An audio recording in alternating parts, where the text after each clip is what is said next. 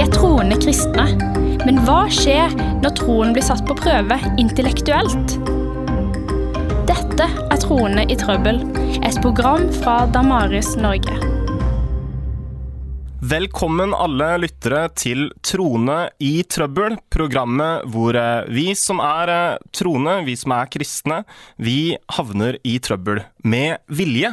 Når vi prøver å ta på alvor hva som er det rasjonelle trosgrunnlaget for kristendommen, og prøver å ta på alvor spørsmål og innvendinger og argumenter mot det at kristendommen er sann. Velkommen til eh, dere, mine medprogramledere Jon Romul Hoversen og Leif Egil Reve. Tusen takk. Takk skal du ha.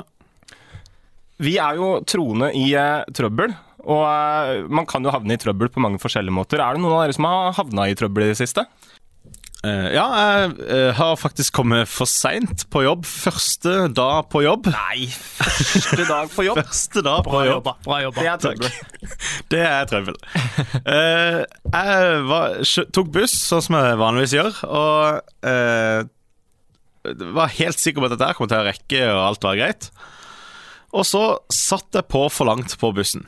For langt på bussen. Jeg fulgte ikke med når jeg kom til det busstoppet jeg skulle av på. Det står sånn skjerm, gjør det ikke det, på bussen med Med alle busstoppene. Jeg, jeg visste akkurat hvilket jeg skulle av på, men, men eh, når jeg var kommet for langt, så var jeg usikker på om, om jeg var kommet for langt. Wow. Og åssen fikk du kara deg tilbake på jobb, da? Jo, så hoppa jeg jo av bussen, da. Og um, problemet da var at uh, akkurat den dagen så bytta jeg eh, abonnement klokka ni. Oh. Men jeg hadde selvfølgelig forberedt meg på dette, så, så jeg hadde med det ekstra SIM-kortet. Oh, Og wow. jeg hadde med til og med til å åpne mobilen, så jeg trengte sånn nål. Og så viste det seg at jeg hadde hull i lomma. Nei. Det er helt sant. Alt som eh, kan gå galt, går galt. Så, øh, men jeg, jeg hadde ikke mista SIM-kortet, da. Jeg hadde bare mista nåla, i det minste. Men du fikk komme deg tilbake på jobb og kom liksom slentrende inn litt seint. Og Ja, 20 minutter for seint. var det nåde og tilgivelse å få? Ja, jeg, jeg rakk å si fra. Jeg gikk innom øh, en øh, nærliggende Rema og øh, fikk bytta SIM-kort og sånn, så det gikk greit. Er du fast ansatt, eller har du prøvetid? Fast ansatt. Ok, men da, da kan vi ikke ta deg på noen ting. Vi skal ta opp en innvending mot kristendom i dag. Og det er noe som ganske mange kan kjenne seg igjen i. Hvorfor viser ikke Gud seg mer?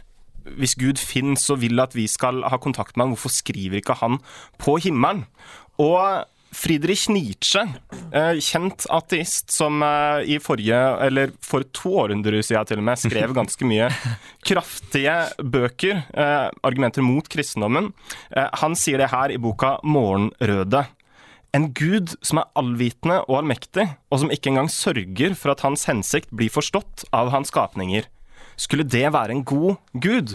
Som lar talløse betenkeligheter og tvil bestå i årtusener, men som likevel gir stadige løfter om de grusomste konsekvenser dersom noen tar feil av sannheten.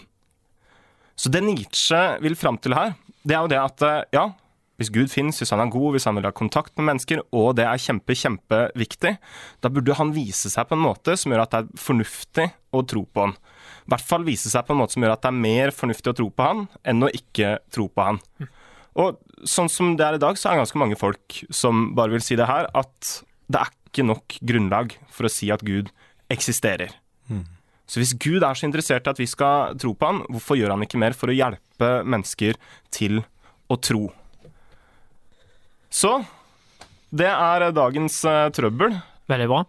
Hva gjør at det her er en så kraftig og, og god innvending? Altså, jeg har eh, mange folk som eh, kommer til meg og eh, som forteller at de oppriktig har søkt Gud, at de har søkt han i bønn osv., osv., men ikke opplever at han responderer, ikke opplever å få noe svar. Og det blir jo da selvfølgelig et, et, et kraftig argument mot for deres del. Så de ville kjent seg igjen i det her, da. At det er noe litt sånn rart med at eh, Gud som er god og allmektig og ønsker kontakt med mennesker, ikke er så lett å få tak i, da. Absolutt. Når man først uh, prøver. Mm. Det som jeg syns er interessant, da, det er jo det at uh, hvis vi ser på Bibelen, så er det her en problemstilling som man også finner i Bibelen. Mm. Det er ikke sånn at Bibelen er full av happy-clappy folk som eh, alltid har liksom kontakten fullstendig oppe. At eh, det aldri er noe problem, det med at eh, Gud ikke er så lett å få tak på. Eksempel i Jesaja 45, 15 så står det sannelig, du er en gud som skjuler seg. Mm. Israels gud og frelser. Og den beskrivelsen av Gud, det at den står i Bibelen i det hele tatt, det forteller i hvert fall noe om at i det kristne livssynet så ligger det ikke egentlig en forventning om at Gud skal være alltid til stede. Kanskje vi har den forventningen, men, men den ligger i hvert fall ikke i, i Bibelen, da. Men det gir egentlig ikke et så godt svar heller på, på hvorfor det er sånn som det er. da, og Hvis vi skal være her ryddige her og gå gjennom den problemstillinga, så er det noen ting vi må snakke om. Og det ene, det er jo Altså, hvis Gud fins, hvordan kan vi egentlig forvente at han skal vise seg? Og hvordan påstår Bibelen at Gud har vist seg? Fordi Bibelen påstår at Gud han har gitt seg til kjenne på flere forskjellige måter. Og så må vi kanskje til slutt snakke om hvor er det problemet ligger. Er det Gud som har et problem som ikke har vist seg tydelig nok? Eller er det noe, med vårt mottakerapparat som gjør at vi ikke er i stand til å fatte og begripe? Og i så fall, hvorfor har Gud lagd mottakerapparatene på den måten han har gjort, da? Ja. Så det, så det er kanskje sånn for å outline hva vi må prate om. Yes. Men skal vi begynne med det første først? Eh, hvordan kan vi egentlig forvente at Gud skal vise seg? På en måte så er jo det et uh, veldig naturlig og litt vanskelig spørsmål. Uh, for det er litt sånn at eh, eh, Hva vi kan forvente av en allmektig eh, Gud som egentlig er utenfor vår eh, fullstendige fatteevne i utgangspunktet. Eh, det, det er litt rart om, om vi kan si liksom Jo, men det er sånn og sånn han skal eh, åpenbare seg for oss. Eh, det, det høres eh, skeivt ut i utgangspunktet. Jeg opplever også at eh, både kristne og, og kanskje ikke-kristne også gjør seg opp en del forventninger om hvordan Gud kommer til å svare eh, når man søker han. Og så er det ikke alltid sånn at Gud eh, Og så tror jeg ikke det er, det er alltid sånn at Gud svarer på den måten som vi forventer. Vi kan eksempel ha en, en tendens til å tenke at Gud åpenbarer seg kun på overnaturlige måter, men det kan godt hende at Gud viser seg gjennom naturlige prosesser, gjennom vennskap, gjennom relasjoner. Eh, eller, eller gjennom naturlige prosesser, mennesker rundt oss osv. Så, videre, og så, videre. så de forventningene vi har om hvordan Gud skal respondere på f.eks. vår bønn, er ikke alltid matchende med hvordan Gud faktisk gjør det. da. Og, og det du sier der med forventning, det tror jeg er litt sånn der eh, viktig å prate om. For eh, jeg som tidligere har vært eh, ungdomsleder, da, har vært i kontakt med ungdommer som er med i menighet, hvor folk er forskjellige. Noen kan på en måte si sånn her at de har masse kontakt med Gud, og de hører Guds stemme hele tida. Og de kjenner og opplever Gud i lovsang eh, massevis i stunder av tilbedelse, og han er virkelig til stede i livet deres. Og så er det noen som bare Nei, det merker de ikke i det hele tatt. Og det kan bli en veldig sånn frustrasjon da, for noen, at de ikke oppfatter merker det i det hele tatt. Og da har jeg noen ganger spurt til litt sånn her Men er det noen ting i livet ditt som du setter pris på? Er det noen ting i livet ditt som du er takknemlig for? Ja. Har det skjedd noe godt i livet ditt som du er glad for? Og da kan man jo liste opp en hel haug. Og så er det jeg utfordrer dem på da, det er jo det at eh, Men Bibelen beskriver jo Gud som opphavet til alt godt. All god gave, all fullkommen gave kommer ovenfra, står det i eh, Nytestamentet, fra Gud. Så hvis man skal ta på alvor Gud som skaper av hele verden, og Gud som god, så betyr jo det også at eh, alt godt, det er en peker mot Gud. Da Gud han viser seg gjennom helt naturlige ting, det som er godt også. Ja. Og det er kanskje med, som du sier, en forventning til skal Gud vise seg på overnaturlig måte. Det hadde vært veldig sånn actionfylt og stilig. Eller skal han vise seg på en naturlig måte? Og noen ganger så eh, er det det man tar til takke med, da. Men hvis vi skal gå litt sånn enda videre på det spørsmålet som eh, jeg stilte Hvordan beskriver Bibelen at Gud har vist seg, eh, gitt seg til kjenne? Hvordan har han egentlig åpenbart seg? Altså, Bibelen eh, forteller oss at Gud egentlig har strukket seg ganske langt for å vise seg sjøl for eh, menneskene.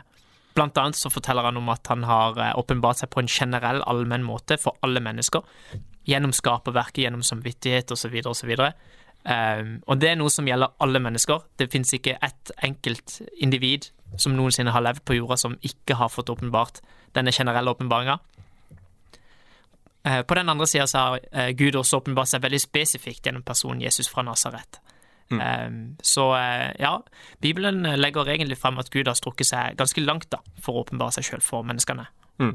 Han har ikke vært fornøyd med å bare bli værende i himmelen, men han har kommet sjøl, personen Jesus mm. Kristus. Og, og, det Bibelen påstår, da, det er at hvis du lurer på hvem Gud er, se på Jesus. Mm. Hva tenker du om det her, Leif Egil? Det som Bibelen påstår, at eh, Gud han har vist seg på naturlig måte gjennom det han har skapt, spesifikk måte gjennom Jesus Kristus. Mm. Er det god nok grunn til å tro, sånn som det vi starte med innledningsvis at uh, Nietzsche og flere andre mener at ja, det må jo være mer fornuftig å tro enn å ikke tro. Hva er godt nok til å eh, bestemme seg for at det er sant på? Eh, det er et veldig, veldig vanskelig spørsmål som filosofer har snakka om i mange, mange, mange hundre år. Flere tusen år. Så det var ikke noe vi fant på nå? det er ikke et nytt og revolusjonerende spørsmål. Søren nå. uh, og uh, det um, det, Jeg vil si det enkle svaret er jo ja, jeg har jo sjøl gjort det, det, valget. Men eh, jeg er også innforstått med, med at det går an å se forskjellig på det, da. for eksempel så, så er det mange som, som sier at ja, hvis de har en generell eh, åpenbaring, som vi vil kalle det som kristne, så, så, vil de si ja, men det er bare sånn verden fungerer. Eh, for meg så er en av de eh, gode poengene da, det er litt sånn jo, men, men, det trenger allikevel en forklaring. Altså, Hvorfor er det noe som eksisterer i det hele tatt? Mm. Uh, det syns jeg er et kjempe, kjempegodt poeng her, da. Mm. Uh, hvor, hvor, svaret vil være uh, verden må være skapt på et vis, eller må bli til på et vis. Mm. mm. Forklaringa da er Gud. Og, så virker det heller ikke som om Gud på en måte har overlatt oss til å famle rundt i mm. blinde mm. og leite etter Kanskje vi kan finne Gud her. Mm. Eh, men han har gitt noe litt sånn konkret som det mm. går an å ta stilling til. Eh, han har vist seg på forskjellige måter i historien, og det har blitt skrevet ned i den samling av skrifter som er Bibelen. Mm hvor det også står om Jesus Kristus. Eh, hva tilfører det, på en måte, når man skal eh, avgjøre om Gud fins eller ikke? Det at man har noe sånn konkret å forholde seg til? Mm. Uh, altså, uh, Fordelen med det er jo at uh, vi har noe mye mer konkret å forholde oss til, for det første. og det er klart det er en fordel, for, for da kan vi si at jo, men hvis det, hvis det, er sånn at Jesus aldri har eksistert, så vil det være en ganske stor uh, hindring for, for, kristne for å si at kristendommen er sann. Um, og um, samtidig så, så, betyr det også at um, når vi skal vurdere bevisene, så, så, har vi muligheten til å se på det som står i uh, Bibelen, og det som står utenfor Bibelen, men, men de beste kildene, de er i Bibelen. Derfor forholder vi oss mest til det. Mm. Så kristendommen er på en måte etterprøvbar på den måten at uh, man kan egentlig se på det som står skrevet ned. Mm. Henger det på greip? Stemmer det med virkeligheten? Hvis ikke, så er det god grunn til å ikke tro på Gud, men hvis man kan vise at det, det henger godt på greip, mm. og det stemmer godt med virkeligheten, så har man kanskje en god grunn til å tro, da. Dette er Trone i trøbbel med Jon Romer Hoversen, Leif Egil Reve og jeg heter Morten Marius Larsen. Og vi innleda den utgaven her med å stille spørsmålet Hvis Gud finnes og ønsker kontakt med oss mennesker, hvorfor er det så vanskelig for mange å tro på han? Har vi egentlig gode nok grunner til å tro på han, eller er det sånn at det er mer fornuftig å ikke tro på Gud? Og Hvis Gud er god og kjærlig og ønsker kontakt med mennesker, burde ikke han gi liksom litt mer håndfast, mm. som gjør det mulig for folk å tro?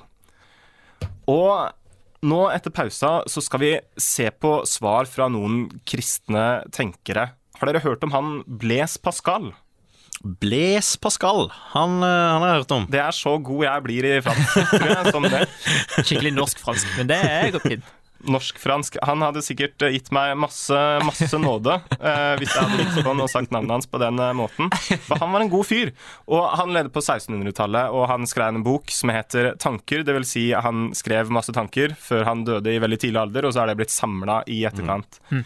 Eh, men vi innleda jo med å på en måte fortelle liksom Nietzsche sin innvending mot Gud, som er det her. At uh, Gud han burde vise seg på en bedre måte. Mm. Men Nietzsche sjøl mente at uh, den som har snakka best om det her noensinne, det er faktisk Blaise Pascal. Han er den som har gitt det, det mest overbevisende svaret, sjøl om Nietzsche ikke er fornøyd med det svaret. Men eh, Pascal, da, når han skal forklare det her, hvorfor viser ikke Gud seg mer, så sier han det at ja, selvfølgelig kunne Gud ha gjort det så tindrende klart at det ikke var noen tvil om hva Guds sanne vesen var. Og så sier han videre at eh, Men sånn har han ikke valgt å åpenbare seg. da. Han skal gjøre det til syvende og sist. Når eh, Jesus kommer igjen, da skal det være kjempeklart ved hans andre komme. Mm. Men per nå da, så har han valgt å vise seg i mildhet, sier Pascal. Og så, nå leser jeg videre. Fordi så mange mennesker har gjort seg uverdig til hans miskunn, har han latt dem unnvære det gode de tilbakeviser. Altså var det ikke rett om han hadde kommet til syne på en måte som hadde åpenbart hans guddom i et så fullt lys at alle mennesker måtte bli overbevist.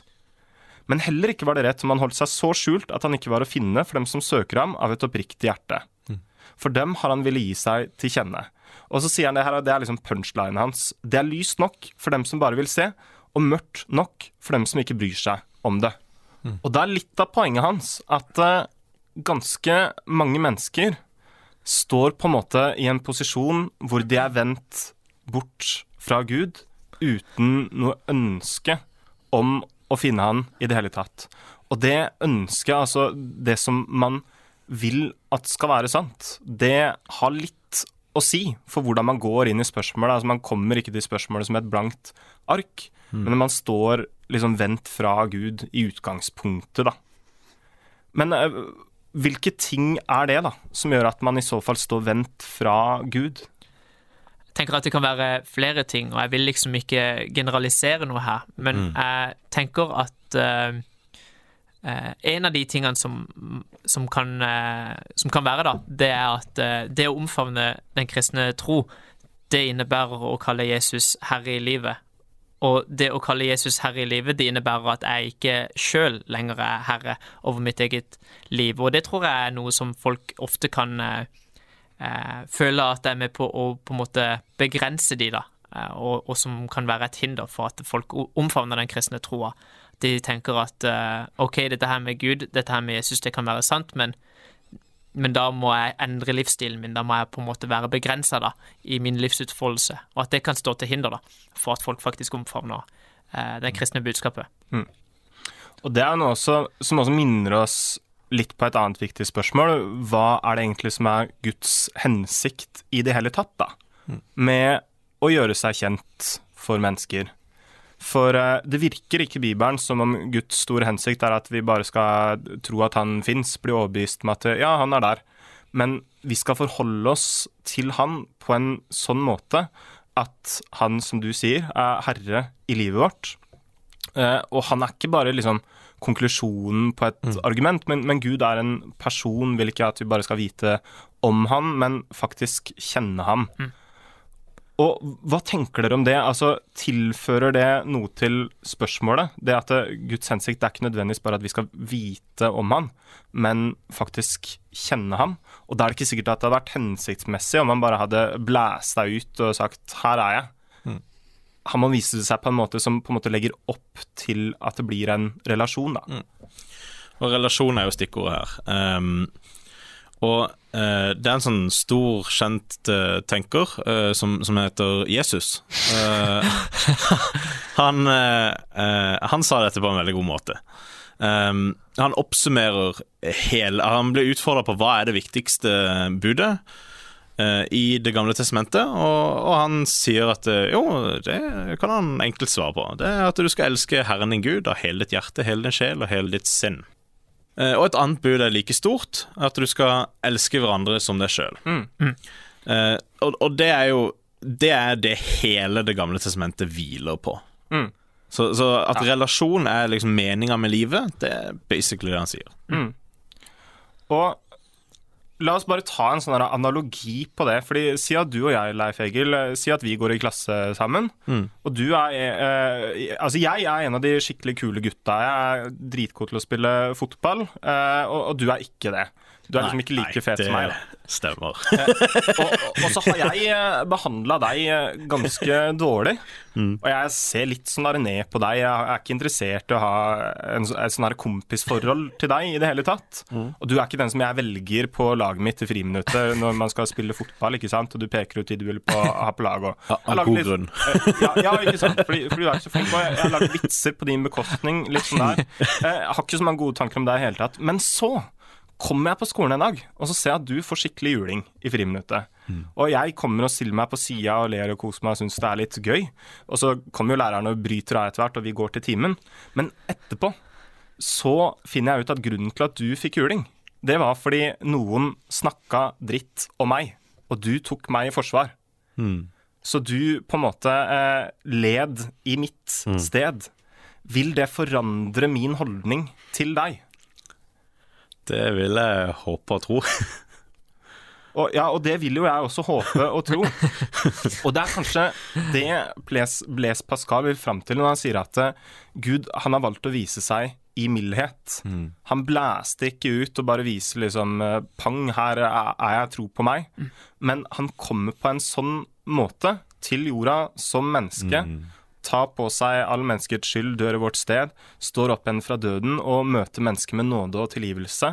Eh, han betaler en pris som egentlig var vår, og som kanskje snur litt om på bildet. Altså den entreen, den måten å gjøre seg kjent for mennesker på, det gjør at den hjerteholdninga som du snakker om, at vi er kanskje vendt bort fra Gud i utgangspunktet, den mykner opp. Og, eh, og, og kanskje det er litt sånn han gjør, da. At uh, han kommer og viser seg for mennesker på en sånn måte som legger opp til en relasjon. N- når jeg og du ikke sant, i friminuttet på skolen, jeg, jeg hadde ikke så mange gode tanker om deg. Men når jeg ser at plutselig så er det jeg som står i gjeld, står i gjeld til deg, for du har gjort noe veldig fint for meg, så forandrer det holdninga mi, da. Hva tenker dere om det svaret fra den store tenkeren eh, Morten Marius Larsen? Jeg tenker absolutt at det er en, en god tanke. Og eh, det fins eh, mange eksempler, eh, både i Bibelen og, og helt sikkert utenfor Bibelen også, eh, som går på at eh, folk vet at Gud er der, ikke sant, men de har ikke den relasjonen til han. Og det virker ut da at Gud han er ikke interessert i at vi bare skal vite om han, men at vi virkelig skal kjenne han. da. Ja, og, og hvis det er sant, sånn som Bibelen sier, at han har gitt livet sitt for oss, så er det noe som gjør at han her er en person som jeg ikke bare har lyst til å tro på, men faktisk ha en relasjon til, når jeg innser at han er god, da. Hva tenker dere om de tingene vi har snakka om så langt, hvis vi skal oppsummere det problemet som vi starta ut med? Hvor er det vi har endt opp nå? Vi starta med å spørre hvis Gud fins og ønsker kontakt med mennesker, burde ikke han gjøre mer for å gjøre seg sjøl kjent for oss? Jeg vil si at eh, eh, at langt på vei så har Gud strukket seg ganske langt for å vise seg. Eh, Gud er her, og han har vist seg. Uh, og jeg tror virkelig at det er opp, uh, mulig for oss mennesker å undersøke om dette her med kristen tro er sant. Uh, og det vil jo være en, en oppfordring til folk som lytter til. Ta opp et Nytestament, begynn å lese, spør deg sjøl kan dette her være sant, kan dette her gjelde for mitt liv. Det er lov til å komme til Gud med både tro og tvil, det er lov til å være ærlig med Gud. Eh, og jeg tror absolutt at eh, det finnes en verdi i å søke Han av hele sitt hjerte, som Bibelen oppfordrer til, og som vi også ønsker å oppfordre til. Og det er, jo litt, det er jo egentlig hele poenget med mye av denne serien også. Det er nettopp at vi skal se på det som er utfordrende. Og, eh, og det kan være litt sånn anerkjennende med at det, det er ikke sikkert det er så åpenbart. Kanskje det trengs litt forklaring innimellom. Så, så, så jeg tenker litt at eh, det er helt i, i, i tråd med, med denne serien at eh, vi, vi anerkjenner også litt det at eh, ja, av og til så kan det være vanskelig å vite det, finne ut sjøl. Det høres jo nesten ut som en grunn til å lage en sånn type serie. At det, Det høres faktisk- nesten sånn ut. Og det er noe som Bibelen også anerkjenner, som vi så på, at noen ganger så skjuler Gud seg. Han er ikke så lett å få tak på. Det betyr ikke nødvendigvis at han ikke fins. Med det så tror jeg vi eh, takker eh, for oss, takker for i dag. God prat, folkens. Takk til alle lyttere. Håper dere følger med på neste episode.